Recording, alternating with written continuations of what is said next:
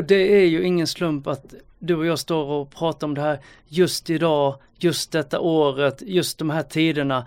För det är ju för att det handlar om Sverigedemokraterna. Det här har inte varit en stor fråga förut, även om det har funnits liksom en polarisering mellan höger och vänster i Sverige. Du lyssnar på Gränslandet och jag heter Noah Wachner. Den du just hörde prata om Sverigedemokraterna, det var inte jag, det var Patrik Lundberg och vi återkommer alldeles strax till honom och varför just han är med i det här avsnittet. Gränslandet är Expressens nya satsning på att förklara idrottens plats i världen och diskutera till exempel hur idrott och politik påverkas av varandra. Vi publicerar en hel del texter och till de här texterna så gör vi också en podcast och det är den du lyssnar på just nu. Den senaste veckan har jag skrivit två texter som eh, hamnar under den här etiketten. Eh, det är dels en intervju med Fredrik Reinfeldt som ja, om för er som har missat det, var han Sveriges för detta statsminister mellan åren 2006 och 2014. Eh, nu är han aktuell för att han vill in i Djurgården Fotbolls styrelse. Eh, vi publicerade även ett reportage från Sölvesborg där ungefär allt verkar hända just nu. Eh, den politiska utvecklingen under samstyret, som alltså är koalitionen med Sverigedemokraterna i spetsen och har eh, tagit makten i kommunen där, eh, har hamnat i rampljuset. Och fotbollslaget Mjällby, en av Europas minsta elitföreningar, är tillbaka i allsvenskan. Nästan alla man pratar med i området menar att Strandvallen, där Mjällby spelar sina hemmamatcher, att det är en politisk frizon. Men stämmer det? Med mig i studion så har jag Patrik Lundberg som är kolumnist i Expressen, tidigare medarbetare på Aftonbladet, på Sydsvenskan, Helsingborgs Dagblad, eh, författare och vice ordförande i Sveriges författarförbund. Eh, men du är här i egenskap av något annat höll jag på att säga. Du får vara här i egenskap av allt det där om du vill också. Men det är inte, det är inte skälen till att du står här.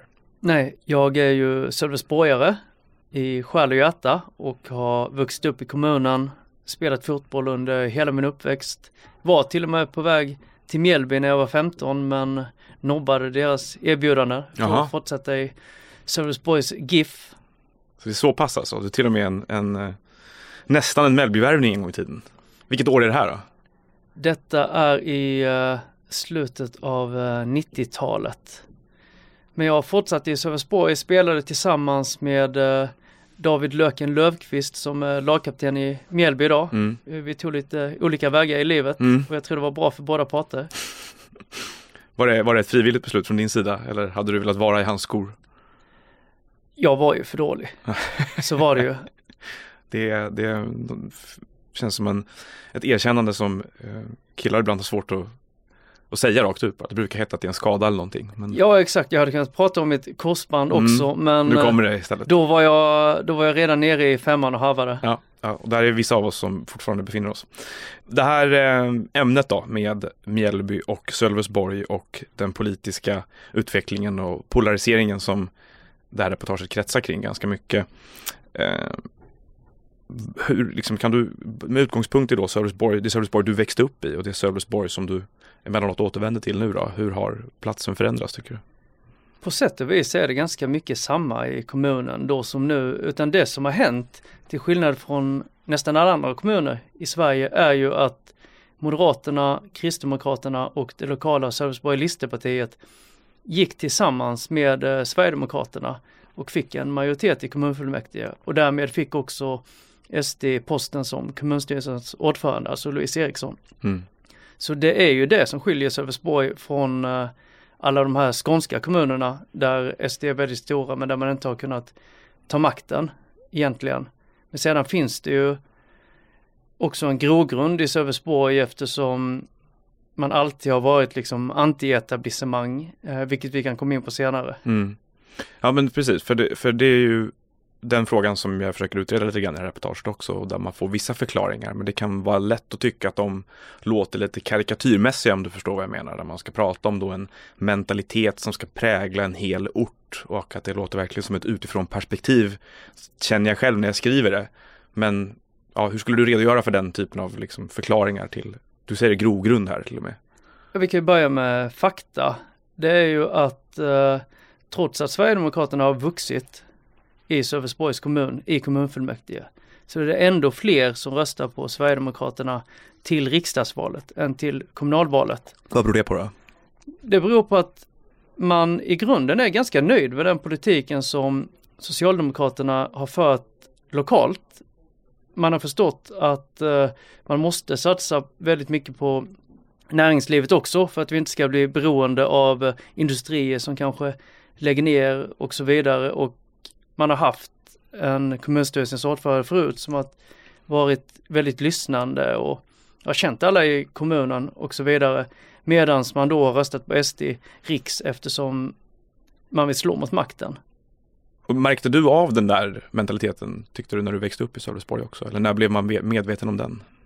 Det är ganska tydligt egentligen och det finns i olika lager också. Det vet alla som lyssnar här nu som är från eh, mindre kommuner. Att man kanske pratar stad mot land och så vidare men även i lilla Sölvesborg så finns ju tätort mot eh, landsbygd inbakat.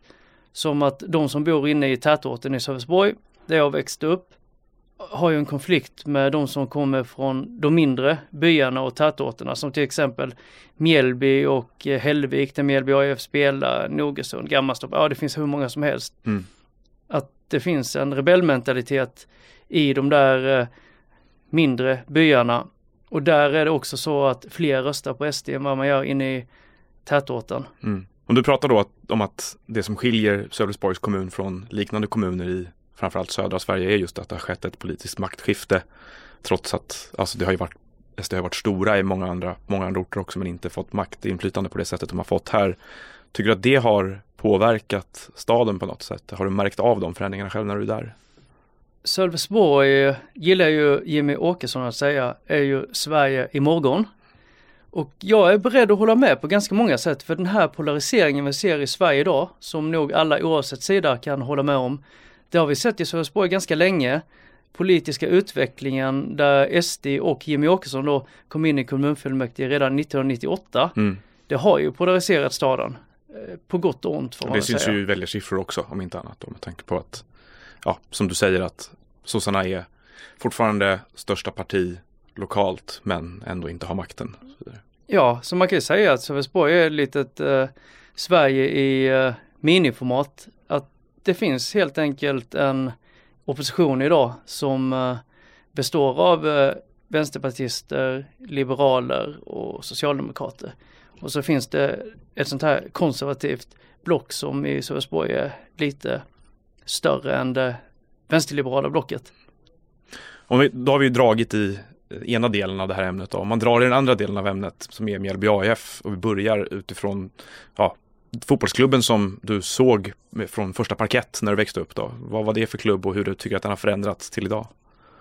Det rent fotbollsmässiga, detta ska vi inte glömma eftersom det här till lika stor del handlar om fotboll, är ju att de här uppstickarklubbarna som eh, traditionellt har kommit har ju inte sällan bestått av benk, benknäckargäng som har sprungit upp i allsvenskan mm. med långbollar. Men Mjällby har alltid varit ett fint spelande lag. Man bryr sig om den vackra fotbollen så att säga och har haft många klassiska lirare. Jag tror inte det är en slump att chippen kommer just från uh, Mjällby och Sölvesborgs kommun. Det har man brytt sig väldigt mycket om. Men de här eh, killarna som man har byggt laget runt i alla de allsvenska återkomsterna och även den första gången då på 80-talet är ju lokala killar, arbetargrabbar, inte sällan med föräldrar som har drivit minkfarmar och andra liknande näringar. Ja precis, minkfarmandet har ju varit, känns som att det är nära sammanbundet med klubben och det är väl där på något sätt om du pratar då om att platsen, Listerlandet som plats eller Sölvesborgs kommun som plats, att det har funnits en vi mot dem mentalitet där och en stad mot land schism om man nu vill kalla det för det. Eh, så om man hittar någon, något uttryck för det inom fotbollen på något sätt så fastnar jag väldigt snabbt då för att Mjällby i många avseenden har tagit sin sponsring från minkfarmarna i väldigt hårt försvar och fått mycket kritik av det från etablissemang och från riksmedia och från andra klubbar runt om i landet, till exempel djurrättsorganisationer och sådär. Hur ska man förstå den översättningen av samma mentalitet till fotbollsklubben tycker du? Mjällby AIF hade ju inte funnits på den här nivån om det inte vore för minkfarmarna och för eh, minkfarmarnas söner får man säga.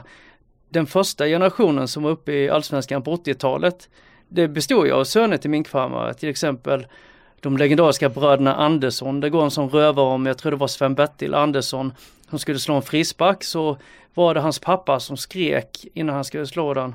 Sätter du den Sven-Bertil så får du den blå minken.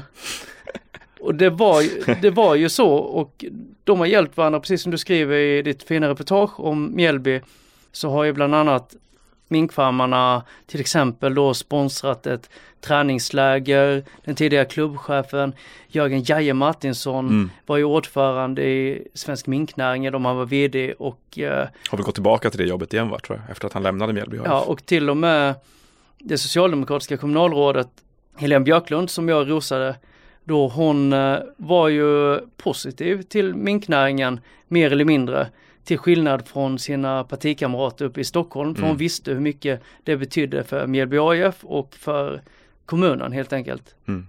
Hur tycker du fotbollsklubben har vuxit in i en sorts modern fotbollsera då? Därför att det har ju varit en omställning för alla fotbollsklubbar i Sverige att bäddas in i en mer kommersiellt styrd fotbollsvärld och så vidare. Det kanske är lättare för de klubbar som kommer från större städer med större publiktillströmning, större talangupptagning, fler etablerade företag runt omkring sig. Hur tycker du Mjällby har vuxit in i den tiden?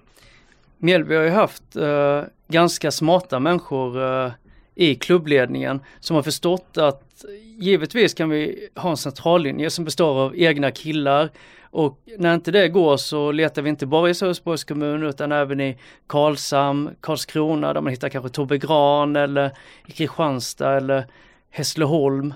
Sådana saker har man förstått och även kunnat krydda det med spelare från andra länder. Det har varit en rad tjecker i Just det. Mjällby till exempel, men även en del eh, killar från Afrika. Mm. Så det fotbollsmässiga har gått bra. Problemet var ju i senaste sessionen när man kom sexa andra året. Då eh, budgeterade man för att fortsätta komma sexa och eh, byggde ut arenan och allting skulle bli större, bättre, mer professionellt, utökade tipselitverksamheten. Och när man inte riktigt kan leva upp till det så blir det problem och det såg man ju sen när man trillade ner två divisioner och ja, klubbens existens i princip var hotad. Mm. I Sölvesborgs kommunval 2018 blev Sverigedemokraterna näst största parti med 29,1 procent av rösterna. Socialdemokraterna, som fick 33,1 procent, blev störst. Men SD, med Louise Eriksson i spetsen och hennes partikamrater, tog makten i kommunen tack vare ett samarbete med Moderaterna, Kristdemokraterna och det lokala Sölvesborg och Listerpartiet. Koalitionen som de här partierna ingick i då kallas Samstyret. I riksdagsvalet blev Sverigedemokraterna största parti i kommunen. Eh, men alltsammans så är det här siffror som talar ett ganska tydligt språk. Sölvesborg är likt många andra delar av Sverige en ganska politiskt splittrad plats. Vi talar även om en kommun som har ungefär 17 500 invånare och väldigt mycket kretsar kring fotbollsklubben Mjällby AIF. Alla har en åsikt, alla är involverade. Mjällby AIF vann division 1 2018 och gick rakt genom superettan 2019. I år är man tillbaka i allsvenskan. Påståendet att Mjällby AIF och Strandvallen är en politisk frizon är inte alltid helt enkelt att bara svälja rakt av. Det finns ett par exempel på varför. Dels har klubben tagit emot sponsring av olika politiska partier i omgångar, däribland Socialdemokraterna som ja, till och med fanns på lagets tröjor i början av 2000-talet. Dels så är det ett stort antal personer som har haft ett politiskt engagemang och samtidigt varit engagerade i Mjällby AIF. Dels äger kommunen arenan och sponsrar årligen fotbollslaget med mångmiljonbelopp. Men det finns även mer aktuella aspekter. I Sverigedemokraternas marknadsföring förekommer Mjällby. Både kommunstyrelsens ordförande Louise Eriksson och hennes fästman Jimmy Åkesson, Sverigedemokraternas partiledare, syns på läktarna. Louise Eriksson och samstyret vill revidera kommunens flaggpolicy och kan inte riktigt svara på om Mjällby kommer att omfattas av den.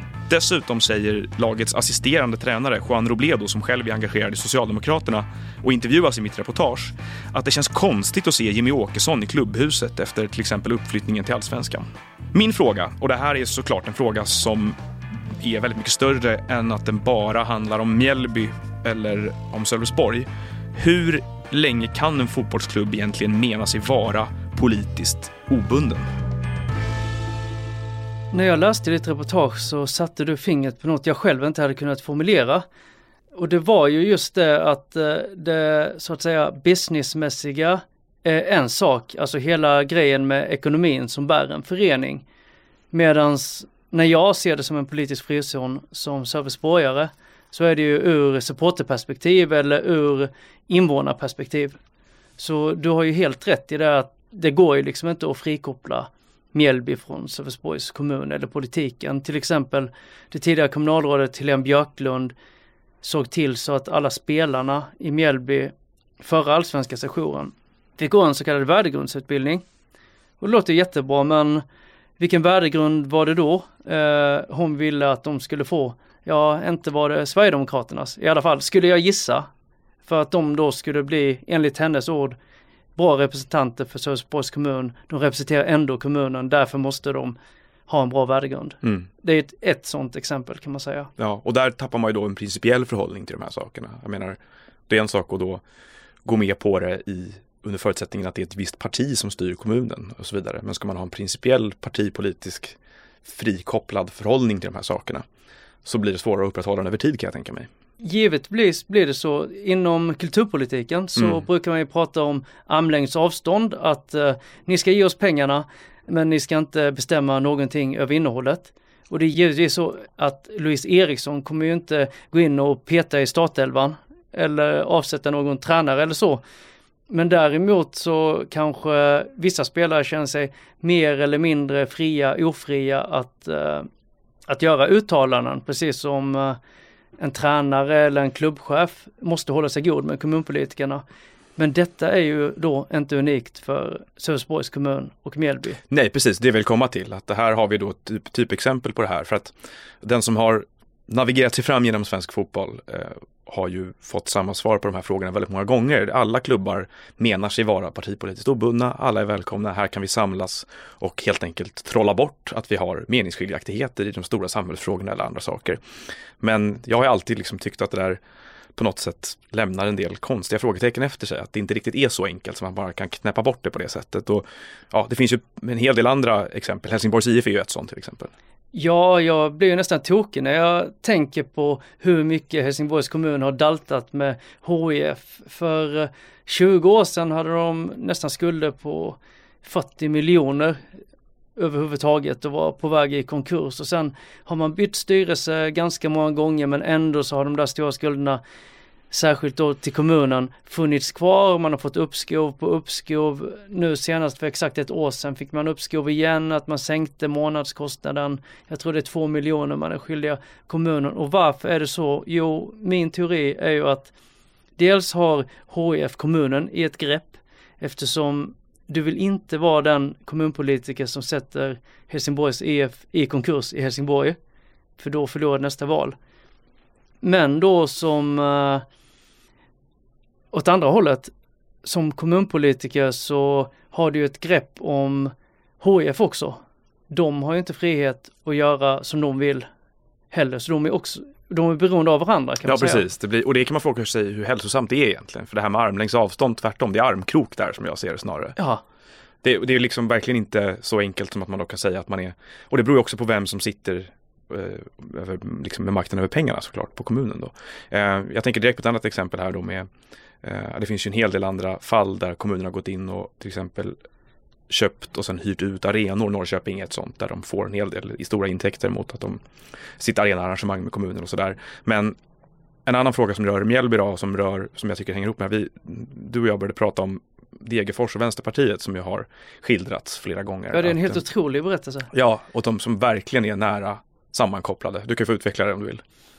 Ja men för de som inte vet, eh, vilket antagligen är de flesta, har ju Vänsterpartiet i Degerfors en helt unik särställning i svensk politik. Eh, flera val i rad historiskt har man fått nästan, nästan eller till och med eh, egen majoritet medans folk då har, som har röstat på vänstern i Degerfors röstar på Socialdemokraterna till riksdagsvalet. Mm. Och det finns en ganska tydlig koppling där mellan just Degerfors och eh, föreningen. Ja precis, de har ju ett av de stora vallöftena inför lokala valen har ju varit just att man ska då finansiera Stora Valla, så att de ska slippa flytta och spela någon annanstans. Och eh, eh det gjordes en dokumentär eh, Eh, om det här förhållandet egentligen kan man säga av eh, Johannes Klenell för ett par år sedan. Vi kan lyssna bara på när Ola Toivonen resonerar kring hur det här har utvecklat sig. Jag är inte så insatt vad folk har för eh, generella åsikter i politiken i Degerfors, det vet jag inte. Men att, att Vänsterpartiet gick ut och sa att, att vi hjälper till med Degerfors så mycket vi kan. Och att vi kommer fixa det här och det här. Det tror jag gjorde att, att de vann valet. Och här tycker jag uppstår en annan grej då, att man kan tänka på eh, sponsring till exempel av klubbarna då. Om Vänsterpartiet vinner eh, makten i Degerfors baserat på den här typen av löften. Då är ju Degerfors inte speciellt fria, som jag upplever i alla fall, att ha Moderaternas logotyp på sin tröja. Det skulle ju kännas liksom som ett sorts väldigt dubbelspel på många sätt. Eh, I Mjällbys fall så hade ju de Socialdemokraternas logotyp på sin tröja i början på 2000-talet. Nu har man inte det längre. Men det där har, verkar inte finnas någon speciellt kritisk dialog om internt eller någon annanstans. Utan att man har liksom tackat ja till pengarna och även förra säsongen då som sagt så var det tre olika partier som jag har förstått det som, som sponsrade klubben. Ett exempel i andra riktningen är ju Kalmar FF som plötsligt hade sponsring från både Sverigedemokraterna och Socialdemokraterna eh, 2014 tror jag det var och fick kritik för det. Och plötsligt sa upp den typen av sponsringsavtal helt och hållet. Men det här med att då finansieras av en kommun och på något sätt stå i någon sorts indirekt tacksamhetsskuld till partiet som faktiskt regerar för närvarande och sen samtidigt acceptera andra partiers sponsring. Det är ju inget sätt, tycker jag i alla fall, att förhålla sig partipolitiskt obunden till saker och ting. Ett poddtips från Podplay. I podden Något Kaiko garanterar östgötarna Brutti och jag, Davva, dig en stor dos skratt. Där följer jag pladask för köttätandet igen. Man är lite som en jävla vampyr. Man har fått lite blodsmak och då måste man ha mer. Udda spaningar, fängslande anekdoter och en och annan arg rant. Jag måste ha mitt kaffe på morgonen för annars är jag ingen trevlig människa. Då är du ingen trevlig människa, punkt. Något Kaiko, hör du på Podplay. Därför är gardinerna. Och det är ju ingen slump att du och jag står och pratar om det här just idag, just detta året, just de här tiderna. För det är ju för att det handlar om Sverigedemokraterna. Det här har inte varit en stor fråga förut, även om det har funnits liksom en polarisering mellan höger och vänster i Sverige. Utan det handlar ju om att fotbollen, liksom resten av samhället, kan inte förhålla sig till den nya politiska verkligheten där SD är störst i flera kommuner och kommer bli störst i ytterligare fler kommuner och kanske till och med hela Störst i landet, ja. ja. Hur ska man förhålla sig till det som samhälle? Och där blir ju liksom fotbollen och Mjällby AF ett lackmustest tycker jag. Ja, det känns ju som det. Som att igen då vi har Sölvesborg idag, Sverige imorgon så som de själva vill framställa det. Men det är ju ofrånkomligen så att det här ställer en typ av frågeställning på sin spets som jag upplever att svensk fotboll, svensk idrott egentligen inte alls har någon vana av överhuvudtaget. Därför att vi, kommer sen, vi, kommer, vi kan prata om det lite senare, men, men jag menar ur ett internationellt perspektiv så finns det en mycket större vana av klubbar att hantera den här typen av skiftningar i politiska klimat, där, framförallt i länder där det är mer polariserat och har varit rent historiskt då än vad det varit i Sverige. Sådär. Eh, för jag tänker att jag gjorde en intervju då med just du säger då hur, hur det svenska politiska landskapet ser ut 2020. Eh, jag gjorde en intervju med Fredrik Reinfeldt som eh, publicerades förra veckan här på Expressen också i samband med att vi lanserade den här serien Gränslandet då. Och eh, där dyker ju frågan upp, för mig i alla fall, vem som äger tolkningen av huruvida en fotbollsklubb Eh, eller en annan organisation politiseras eller inte. Han menar ju då när jag frågar honom hur han tror att, liksom, vad hade han för budskap till de djurgårdare som inte var speciellt förtjusta i hans politiska värv och han säger att ja, men vi kommer jubla tillsammans när Djurgården gör mål. Och det har ju väldigt länge svensk idrott i alla fall gått att sätta punkt där på något sätt. Att, och, sen, och sen är det så. Men Reinfeldt, precis som nästan alla andra med ett politiskt bagage, eller vad man vill kalla det för, ett politiskt arv, är ju mer eller mindre polariserande i olika kretsar. Eh, nästan alla, känns som alla är det i det här politiska klimatet. Det går liksom inte att ha någon association till partipolitik överhuvudtaget utan att du helt enkelt är mer eller mindre omtyckt i något läger på ett sätt som det inte har varit tidigare.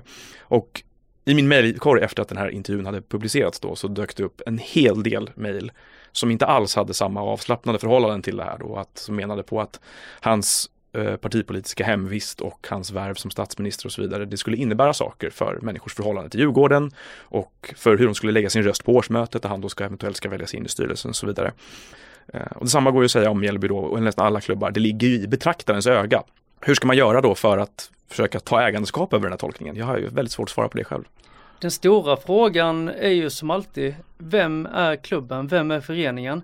Det är som när eh, Malmö FF spelar och eh, det är en liten gruppering som bränner bengaler. Då gör de ju det för att säga till föreningen att det är vi som är föreningen. Utan oss är ni ingenting. Och jag tror att eh, det kommer höjas röster inför Djurgårdens årsmöte.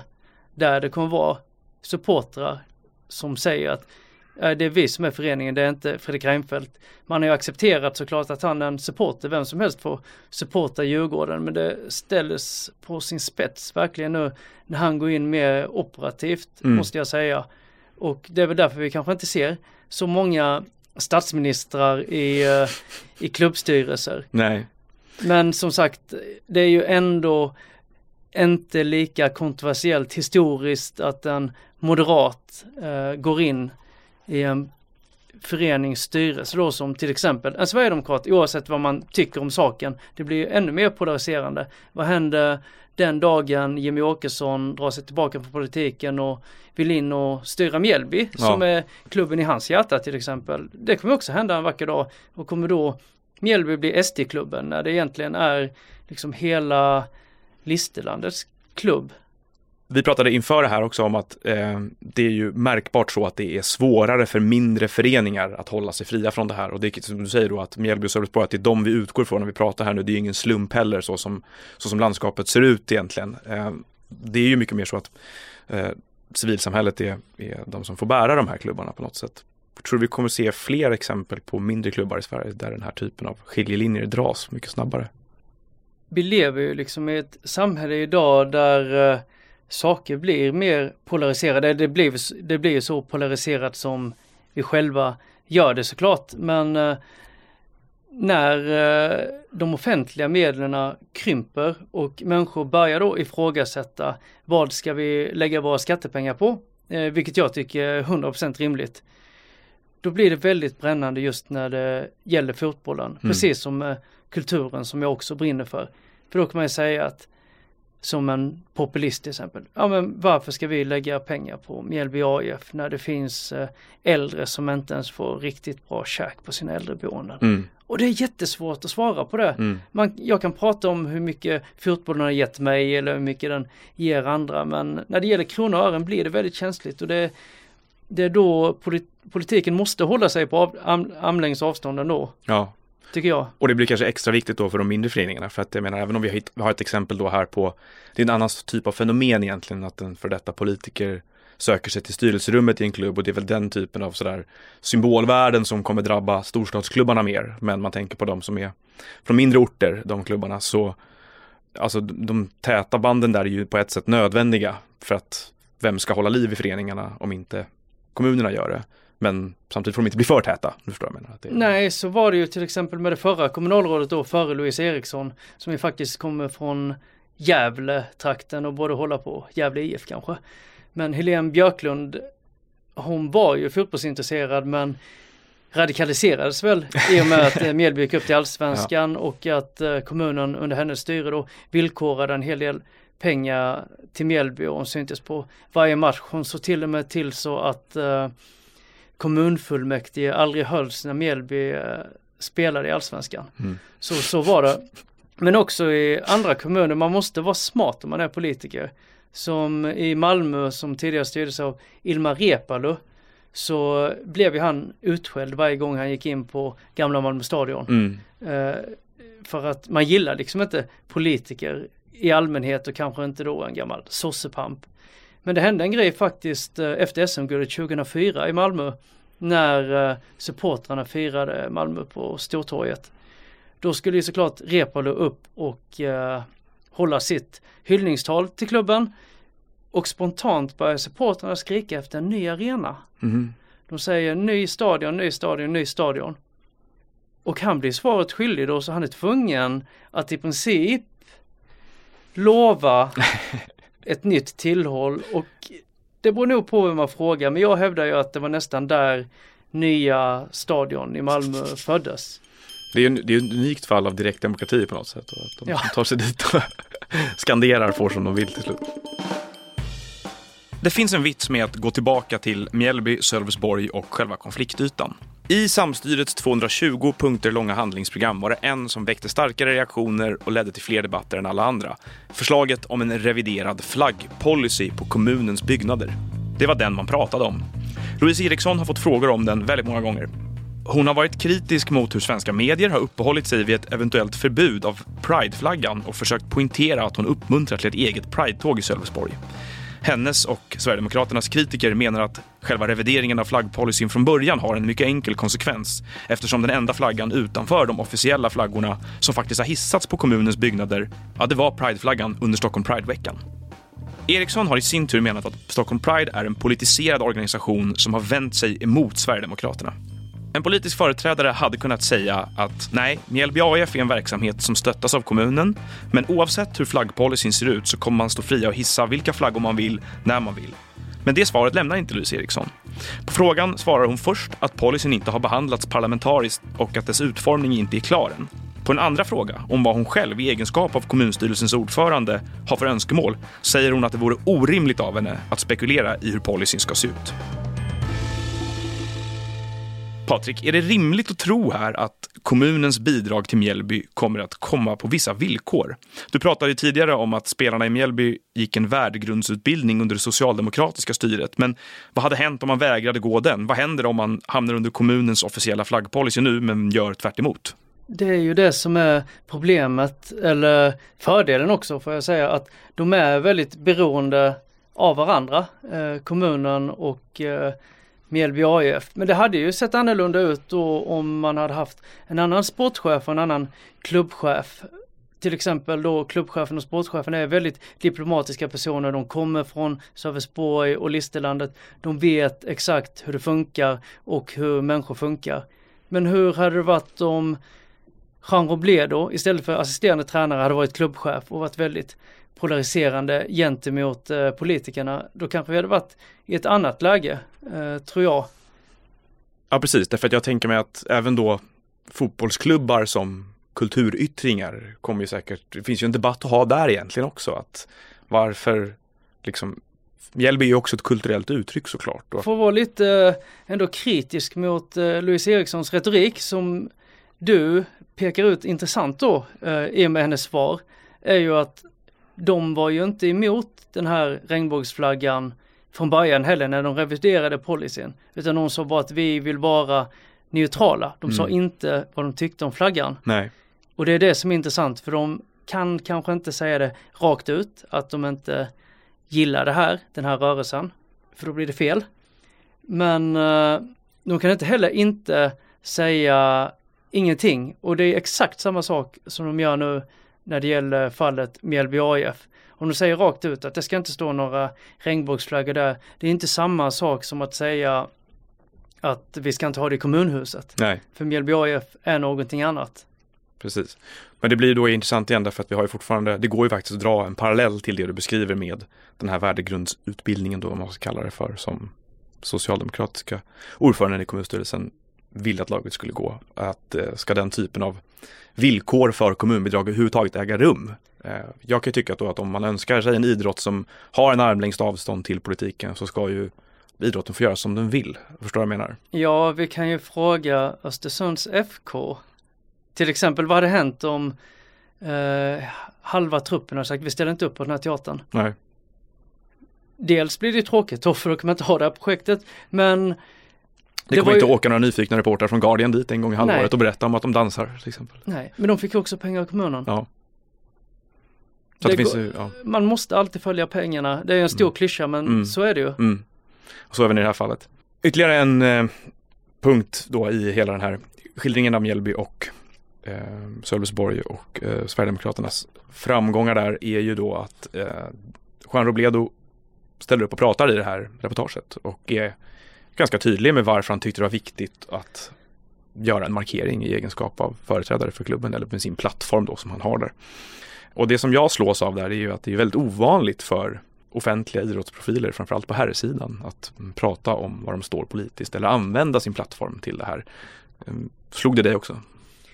Det slog mig definitivt. Eh, Jean Robled och Patrik Bagan Rosengren som tidigare spelade i Mjällby och eh, Kalmar har ju varit ganska unika där eftersom de har varit med lokalt i Socialdemokraterna och suttit eh, till och med på politiska poster. Liksom Lasse Johansson i Kalmar FF. Men det är väldigt ovanligt. Vilka har vi liksom? Vi har Simon Tern har sagt att han skulle rösta på Kristdemokraterna en gång. Ja precis, det var en enkät för Aftonbladet som eh, vi lyckades eh, fiska upp här där inför förra valet tror jag att det är.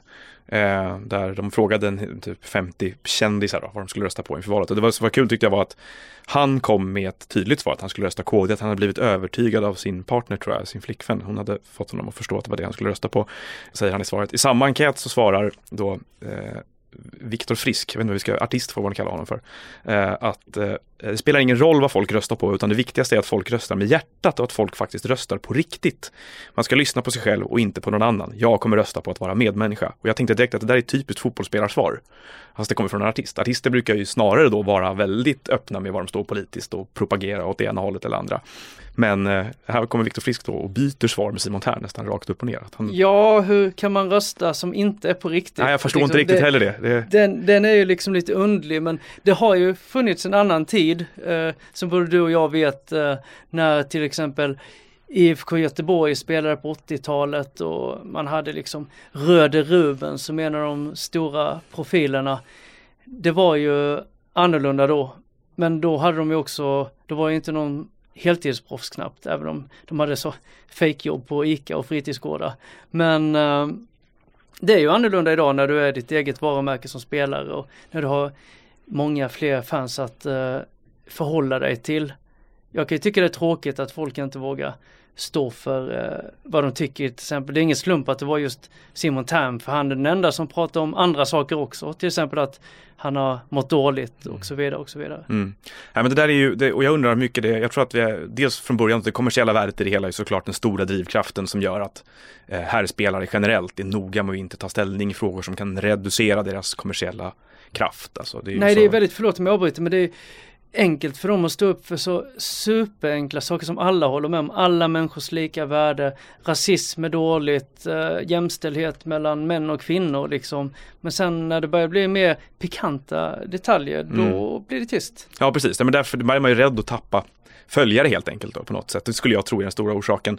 Eh, vi kan väl tillföra också att Henrik Rydström har varit ganska tydlig med att han är till vänster på den ideologiska skalan, han har sagt eh, flera gånger. Han har till och med hållit första maj-tal i Kalmar tror jag. Men så att det finns ju några till. Men, eh, nej men precis, och eh, jag kan tänka mig att den där utvecklingen driver ju inte människor att, i alla fall inte offentliga eh, herridrottare, att vara mer politiska i sin gärning. Eh, dessutom så är det ju så att i den här tiden så just att vi pratar om det, att det är en sån extremt polariserad tid. Så att även om det kommersiella inte hade funnits där så hade man kanske aktat sig för reaktioner lite grann, du förstår vad jag menar. Att det är ju inte lätt att ta ställning åt något håll och tro att man kommer undan. Nej, det är också vilken kraft eh, du möter. Till exempel om det skulle vara då en spelare i Mjällby som säger att ah, men jag röstar på Sverigedemokraterna för jag tycker SD har den bästa politiken. Ja, för 20 år sedan kanske människor hade blivit arga och tyckt att han hade varit dum då och de som inte håller med SD.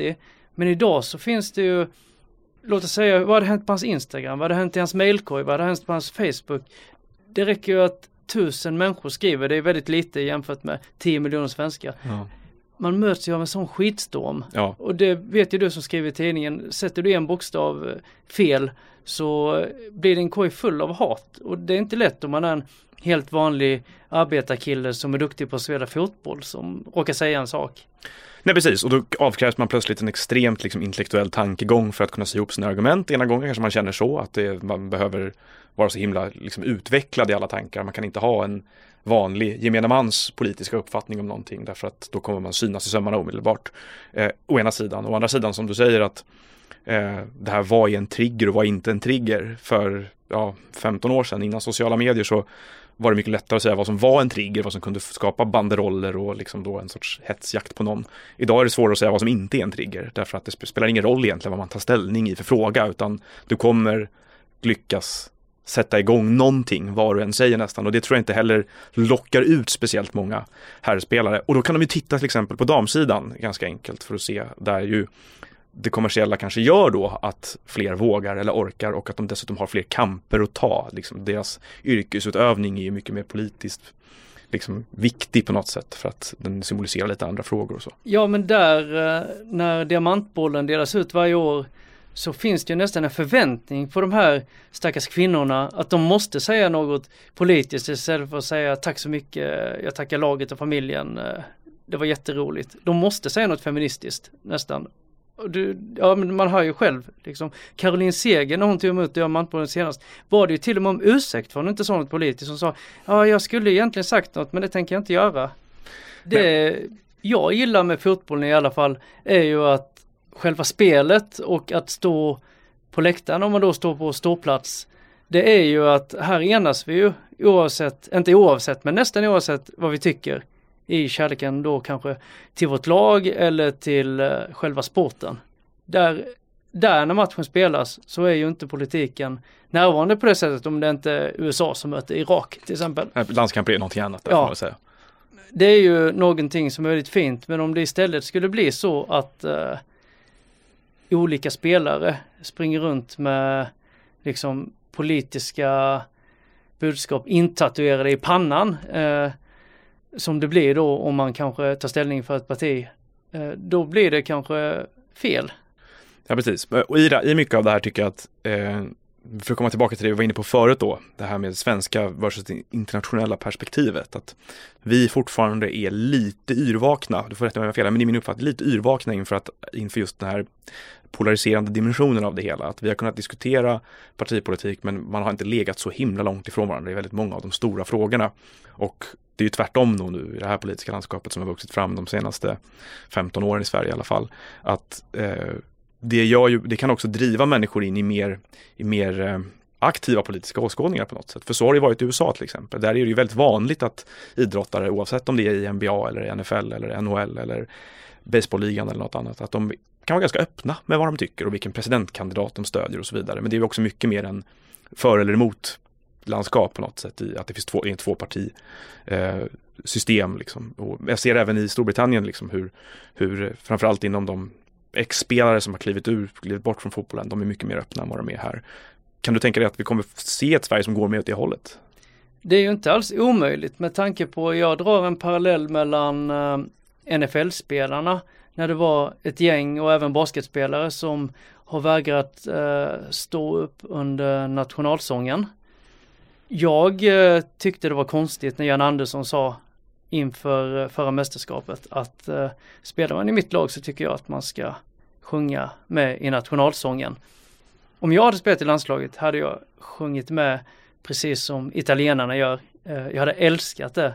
Men samtidigt att ha det som förväntning, det blir ju på något sätt politiskt också. Även om det egentligen inte handlar om Sverige och fosterlandet. Nej. Men det är en markering som uh, kanske känns för vissa spelare som inte vill sjunga. Ja, det, liksom, jag tror inte att det var hans avsikt på något sätt med det uttalandet, men det ingår ju i den här stora diskussionen då om liksom, vad ska du göra för att tillhöra eller inte tillhöra på något sätt. Och det som ändå definierar ganska mycket av det här politiska landskapet som vi pratar om här. Vilka flaggor, vilka sånger, vilket beteende, vad är svenskt och inte och så vidare. Och den typen av frågeställning är ju liksom väldigt laddad i hela det här politiska sammanhanget som vi pratar om. Och jag kan tänka mig att eh, det exempel vi ser här då i Sölvesborg och Mjällby och då med eventuella flaggor som ska förbjudas eller inte förbjudas är bara en i raden av liknande saker som kommer att dyka upp även inom idrotten. Ja, och det är ju saker som går att ta på, saker som går att diskutera konkret. En regnbågsflagga eller inte, sjunga nationalsången eller inte. Men idrott handlar ju idag på den här elitnivån om pengar. Det är pengar det handlar om och eh, jag tycker att vi borde liksom rikta vårt fokus mer på det och följa pengarna från eh, sportjournalistiken så tror jag man kommer hitta andra saker och det har ju visat sig då när man börjar granska Östersund att eh, som sagt The Guardian och gärna och kolla på deras teaterövningar. Varför gjorde de det i grunden? Förutom att det var roligt.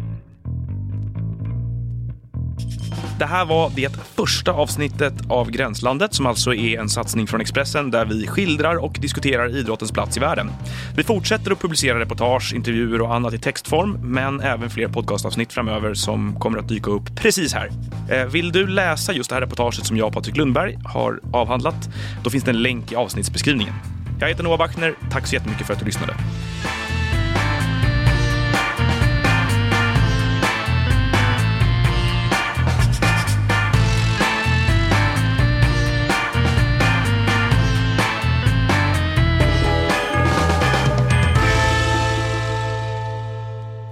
Du har lyssnat på en podcast från Expressen.